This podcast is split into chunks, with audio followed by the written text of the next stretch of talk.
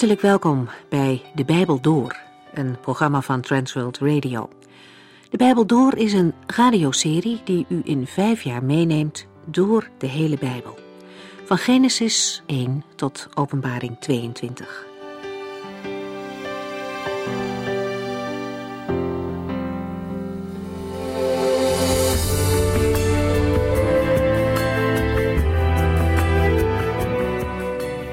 Lieve mensen, welkom.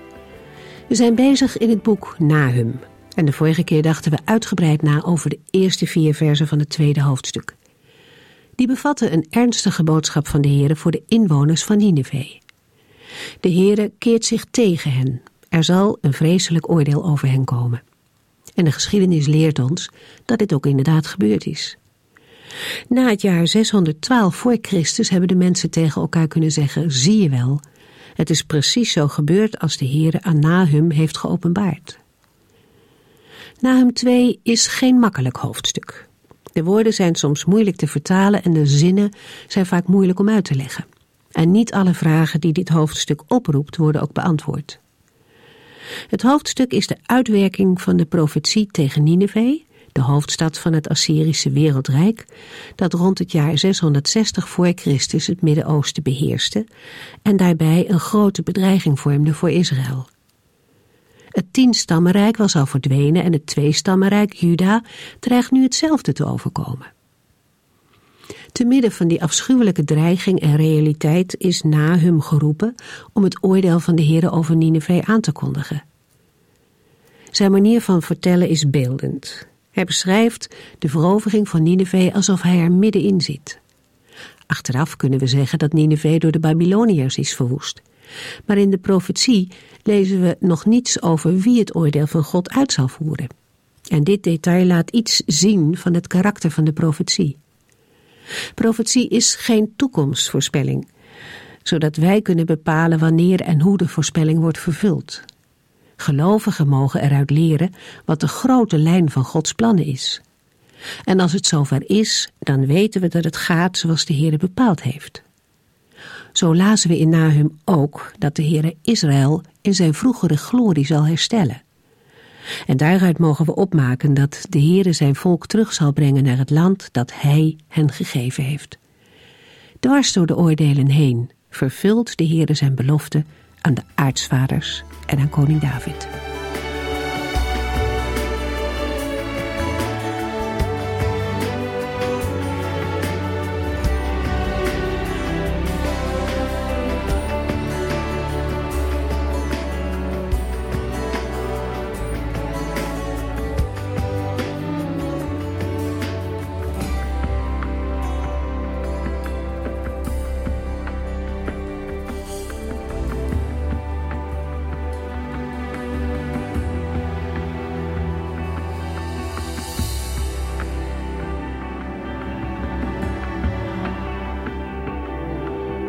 Nahum 2 vers 5 volgt direct op het laatste vers van de vorige uitzending.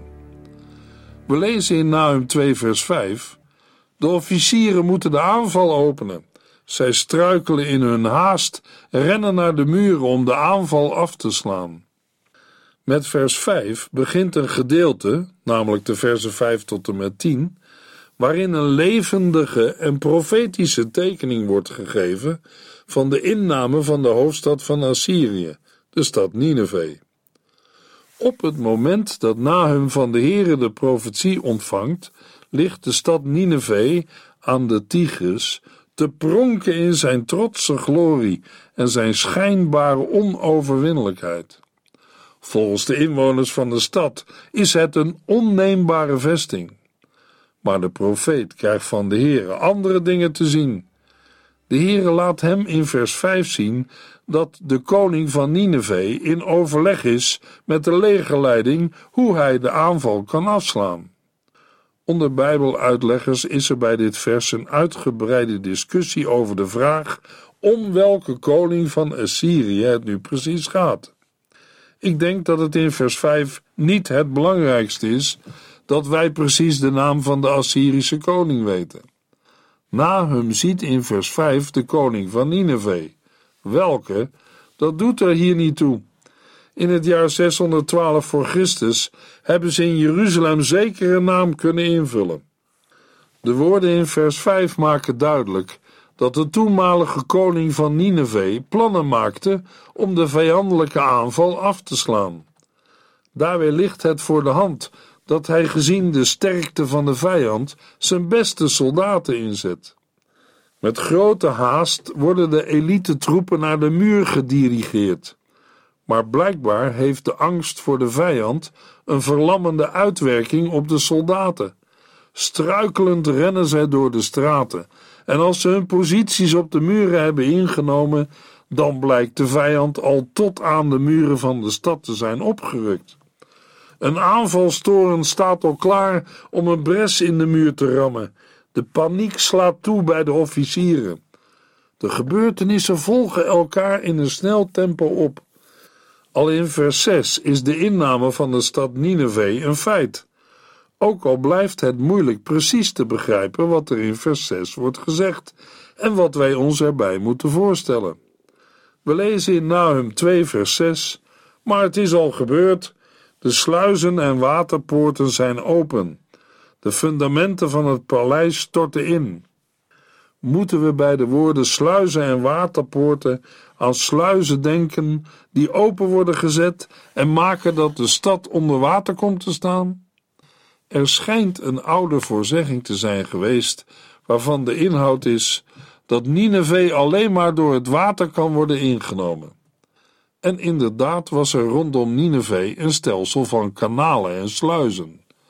Maar van dat water zouden de belegeraars evenveel last hebben gehad als de verdedigers. En het paleis lag zo hoog dat het water daar nooit kon komen. Vandaar dat anderen denken aan de poorten van de stad aan de kant van de rivier, met andere woorden, de meest ontoegankelijke poorten. Als die poorten worden geopend, dan is de inname van de stad een feit en is de verwoesting van het koninklijk paleis alleen een kwestie van tijd. Historici die de oude geschiedenis van het Oude Oosten onderzoeken en beschrijven, vertellen ons dat een deel van de stadsmuur van Nineveh werd neergehaald. Ongeveer vier kilometer muur van Nineveh stond pal langs de oever van de rivier de Tigris. De stad lag een heel stuk boven het normale peil van de rivier. Maar als de rivier op het hoogste niveau is, neemt het een groot deel van de hoogte van de muur weg. De vijand kon dan gemakkelijker de stad binnenkomen. Daar komt nog bij, als er in de muur een bres is geslagen en het water van de rivier stijgt, dan loopt het water door de bres de stad in en storten de fundamenten van het paleis in. Historici vertellen dat de vijand de irrigatiekanalen opende en het paleis compleet onder water werd gezet. Nahum 2 vers 7 De stad Nineveh ligt er onbeschermd bij, als een slavin wordt ze weggevoerd. De bevolking huilt, hun klagen klinkt als het gekoer van duiven. Van verdriet slaan zij zich op de borst. In een andere vertaling lezen we: Dit staat vast, zij wordt ontbloot, ze wordt opgebracht, terwijl slavinnen klagen, zoals het koeren van duiven, terwijl ze zich op de borst slaan. Vers 7 bevestigt die inname. Tenminste, dat nemen praktisch alle Bijbeluitleggers aan. Wel verschillen zij onderling in de vertaling van vers 7. Een aantal geeft toe dat zij voor onderdelen geen bevredigende vertaling weten te geven. Van het vervolg in vers 7 wordt door Bijbeluitleggers aangenomen dat de woorden betrekking hebben op de koningin. Anderen kiezen voor de inwoners van de stad. Weer anderen zien in de aanduiding van de koningin een heenwijzing naar Ishtar, de godin van Nineveh. Maar dat denk ik niet.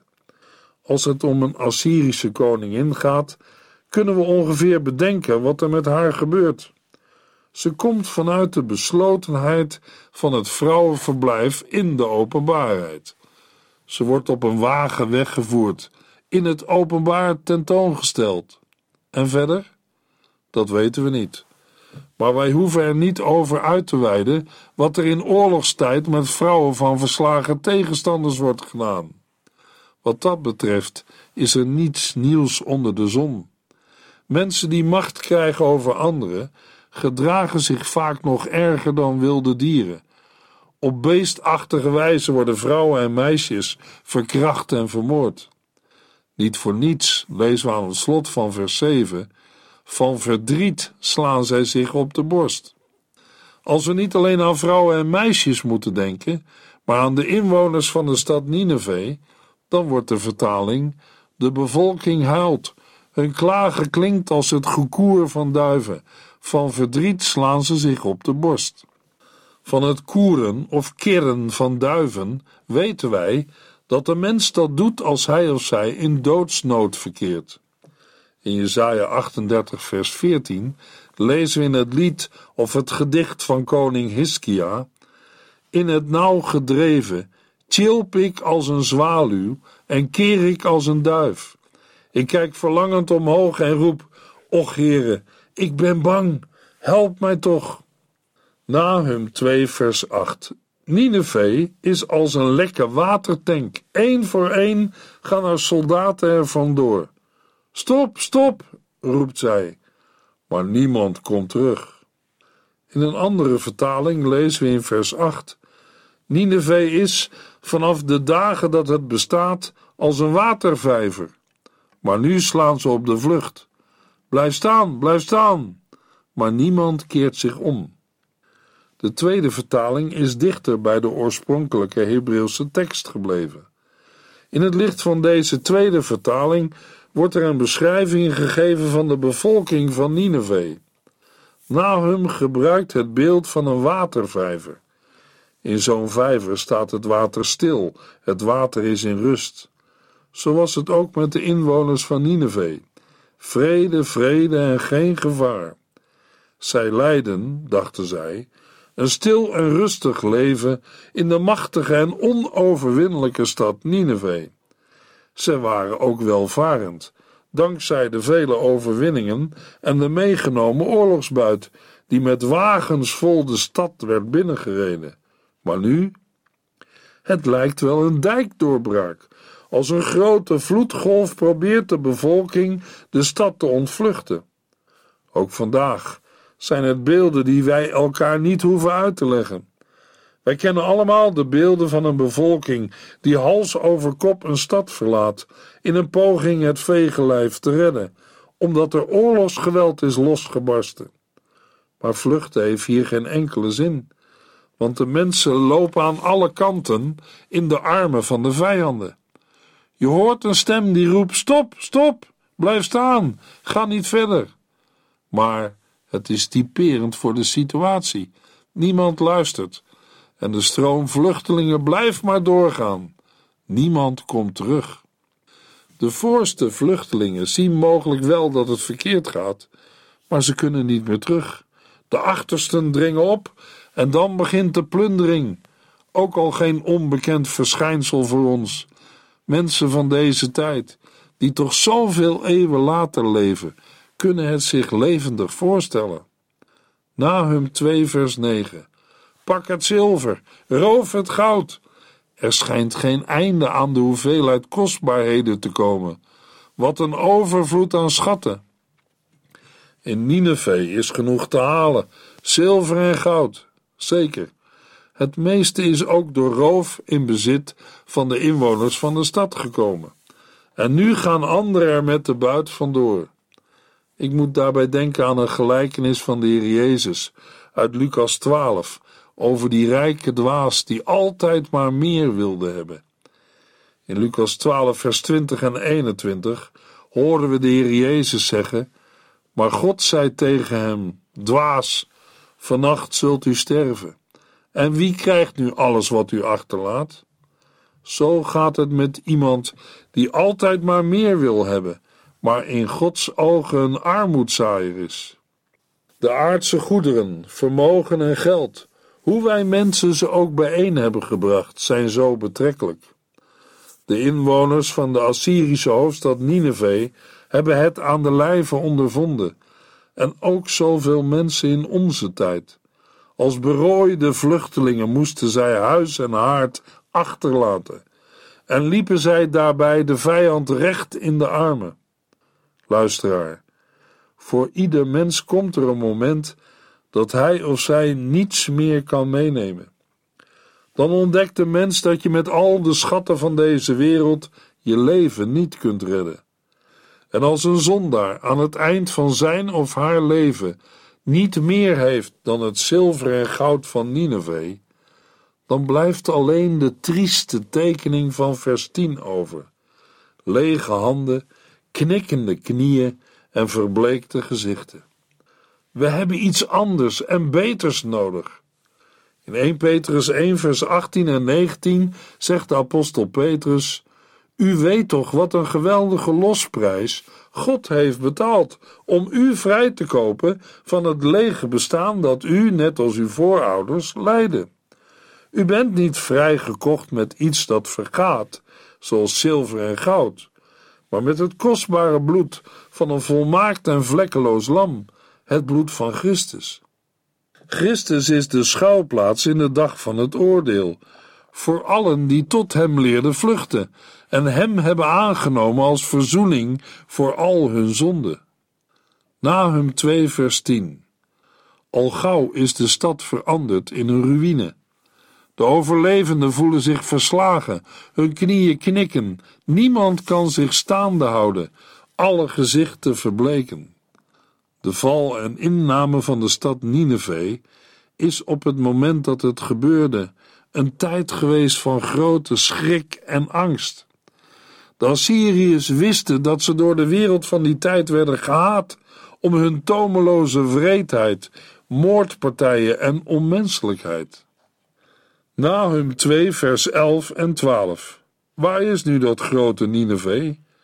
Waar is dat hol van de leeuw waar welpen werden gevoed?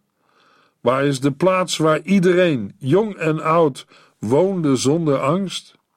Verdwenen is Nineveh, die machtige leeuw. U verpletterde vroeger uw vijanden om uw kinderen en vrouwen te voeden, en u vulde uw stad en uw huizen met geroofde buit. In de versen 11 en 12 gebruikt Nahum andere beelden om aan te geven hoe definitief de ondergang van de stad Nineveh is. Hij tekent de stad als een leeuwenhol. Dat heeft niemand vreemd gevonden, gegeven het feit dat de Assyriërs nogal verzot waren op leeuwen. Veelvuldig werden ze afgebeeld in woorden en in steen. Het beeld is duidelijk. De stad is de woning van de leeuwen. De oude leeuw is de koning en de welp is de kroonprins. De leeuwinnen zijn de koninginnen. Zij allen leefden in rust. Wie durft een leeuwenhol aan te vallen? Mogelijk ziet u het voor u. Terwijl andere dieren altijd schichtig om zich heen kijken, omdat er van alle kanten gevaar loert, stapt een leeuwenfamilie in grote rust rond in haar woongebied. De leeuwinnen koesteren zich in de zon, terwijl de welpen rustig met elkaar spelen en stoeien. Niemand doet hun wat. Niemand jaagt hun angst aan. Wie zal een leeuw aanvallen? De leeuwen gaan op roof uit en zij weten genoeg te vinden om hun gezinnen te voeden en in leven te houden. Ze komen niets tekort. Dichterlijk beschrijft de profeet Nahum hoe een leeuw zijn hol vult met een prooi. Wij weten hoe dat gaat, namelijk ten koste van anderen. Een ander dier moest ervoor bloeden, het kostte hem of haar het leven. Sidderend doken ze in één of sloegen direct op de vlucht als zij het gebrul van een leeuw hoorden. Machteloos moesten ze toezien als een leeuw een prooi uit hun kudde meesleurde. Maar nu, in vers 11, horen wij de profeet vragen: Waar is nu dat grote Nineveh? Waar is dat hol van de leeuw waar welpen werden gevoed? De vraag klinkt allesomvattend. Het gaat er niet om dat de leeuw een welp of een leeuwin is kwijtgeraakt, of dat zijn jachtgebied kleiner is geworden. Nee, we lezen: Waar is dat hol van de leeuw waar welpen werden gevoed? Er is geen spoor meer van de leeuwenwoning te vinden. In de beeldende taal van de profeet Nahum wordt ons voor ogen geschilderd wat er gebeurt als de Heere zijn oordelen gaat voltrekken aan zijn vijanden. Dan is zelfs een leeuw niet veilig, zelfs als een leeuw zich voordoet als een engel van het licht, maar het niet is. Die oude slang uit de Hof van Ede, de duivel en mensenmoordenaar vanaf het begin. Dan helpen zijn listen en duivelse macht hem niet meer. Waar de Heere zijn legers in stelling brengt, daar zijn vurige paarden en wagens. In 2 Koningen 6 lezen we over het onzichtbare leger van God. Als de dienaar van de profeet Elisa bij de stad Dothan een groot Syrisch leger ziet, met rond de stad overal soldaten, paarden en strijdwagens, roept hij vertwijfeld uit: Meester, kijk eens, wat moeten wij doen? We lezen dan in 2 Koningen 6, vers 16 en 17 dat Elisa hem geruststelt met de woorden: Wees maar niet bang, ons leger is groter dan dat van hen. Toen bad Elisa: Heere, open de ogen van mijn dienaar en laat hem zien. En de Heere opende de ogen van de jonge man, zodat hij kon zien hoe de berghellingen wemelden van de strijdwagens en paarden van vuur rondom Elisa. Uit het Nieuwe Testament weten wij, ook al gaat de grote tegenstander, de duivel of Satan, rond als een brullende leeuw, op zoek naar een prooi om te verslinden, en ook al doet hij zich voor als een engel van het licht, hij is een overwonnen vijand. Satan en zijn trawanten zijn door het kruis van Christus overwonnen en verslagen. De profeet Nahum schrijft in vers 12: Verdwenen is Nineveh, die machtige leeuw. U verpletterde vroeger uw vijanden om uw kinderen en vrouwen te voeden, en u vulde uw stad en uw huizen met geroofde buit. Maar, zegt de Heer, dat is nu afgelopen. Nahum 2, vers 13. Nu keer ik mij tegen u, zegt de Heere van de hemelse legers. Ik laat uw strijdwagens in rook opgaan, en uw beste jonge mannen zullen sneuvelen. Uw buit zal ik verwoesten. Nooit meer zal de stem van uw gezanten worden gehoord. Het laatste vers van Nahum 2 laat nog even zien wat er achter de gebeurtenissen in dit hoofdstuk zit, of beter gezegd, wie erachter zit. In wezen weten we het al. Maar in vers 13 ontmoeten we als het ware de Heere. Dwars door alle profetische beeldspraak heen horen wij zijn stem. In al zijn eenvoud en duidelijkheid zijn deze woorden van de Heere pas echt verschrikkelijk voor Gods vijanden. Het is de Heere van de hemelse legers die hier spreekt, de God van Israël, die het voor zijn volk opneemt en die beschikt over legioenen engelenlegers, miljoenen hemelse strijders en vurige wagens. Hij spreekt, en als hij spreekt in zijn toorn, wie zal dan niet beven? Het is ook een aangrijpend woord dat de Heere spreekt. Nu keer ik mij tegen u. Ik laat uw strijdwagens in rook opgaan en uw beste jonge mannen zullen sneuvelen. Uw buit zal ik verwoesten. Nooit meer zal de stem van uw gezanten worden gehoord. Met deze woorden komt openbaar wat achter die aanrukkende legers zit die Nineveh aanvallen, innemen en verwoesten, zodat er niets van overblijft. De Heere stuurt die Babylonische oorlogsmachine om zijn rechtvaardige oordelen aan de stad haar koning en inwoners te voltrekken. Nu keer ik mij tegen u, zegt de Heere, die het voor zijn volk opneemt. Dit is veel huiveringwekkender dan wat we tot nu toe gezien hebben. De boosheid van de Heere God is losgebarsten.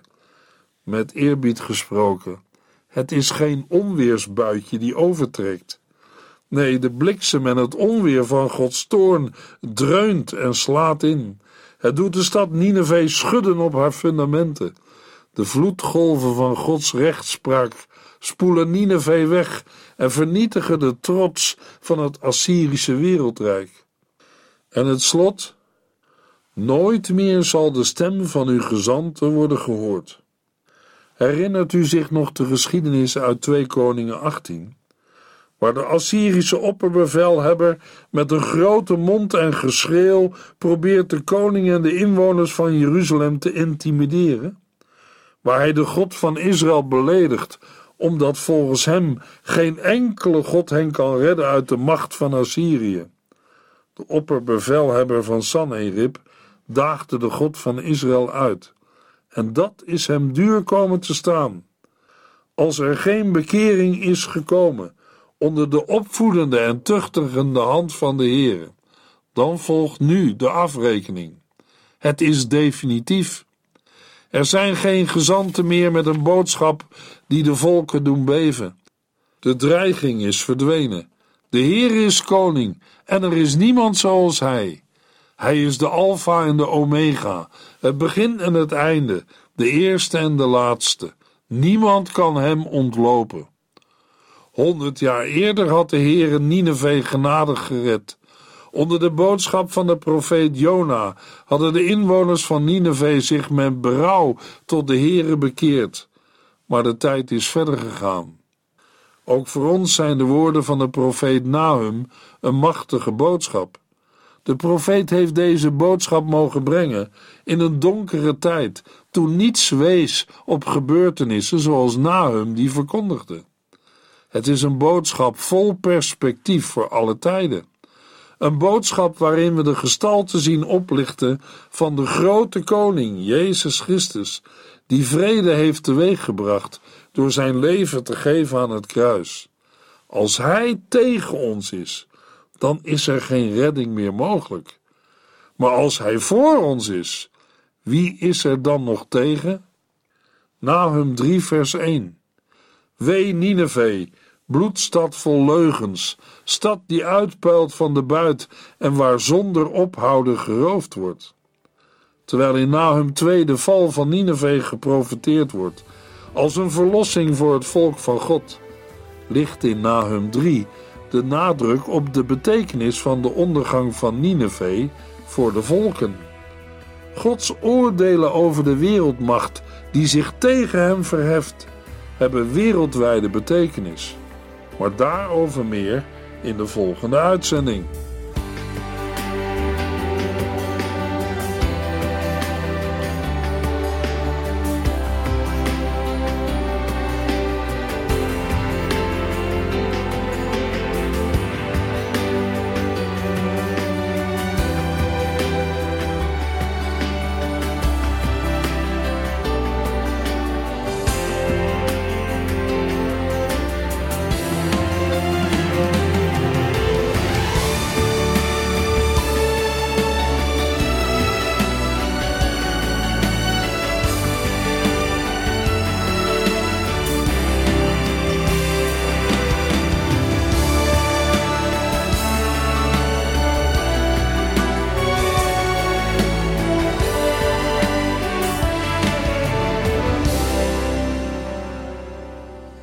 Geluisterd naar De Bijbel Door. In het Nederlands vertaald en bewerkt door Transworld Radio. Een programma waarin we in vijf jaar tijd de hele Bijbel doorgaan. Als u wilt reageren op deze uitzending of u heeft vragen, dan kunt u contact met ons opnemen. Tijdens kantooruren kunt u bellen op 0342 47 8432. 0342 47 8432. 32. Ook kunt u een e-mail sturen naar de Bijbel door transworldradio.nl en natuurlijk kunt u ook via de post ons bereiken. TWR, postbus 371, postcode 3770, AJ in Barneveld. Dit programma werd gepresenteerd door Corweda en Ike André. Techniek was in handen van Odin van Woerdenkom. En namens ons allemaal bedanken we u van harte voor het luisteren.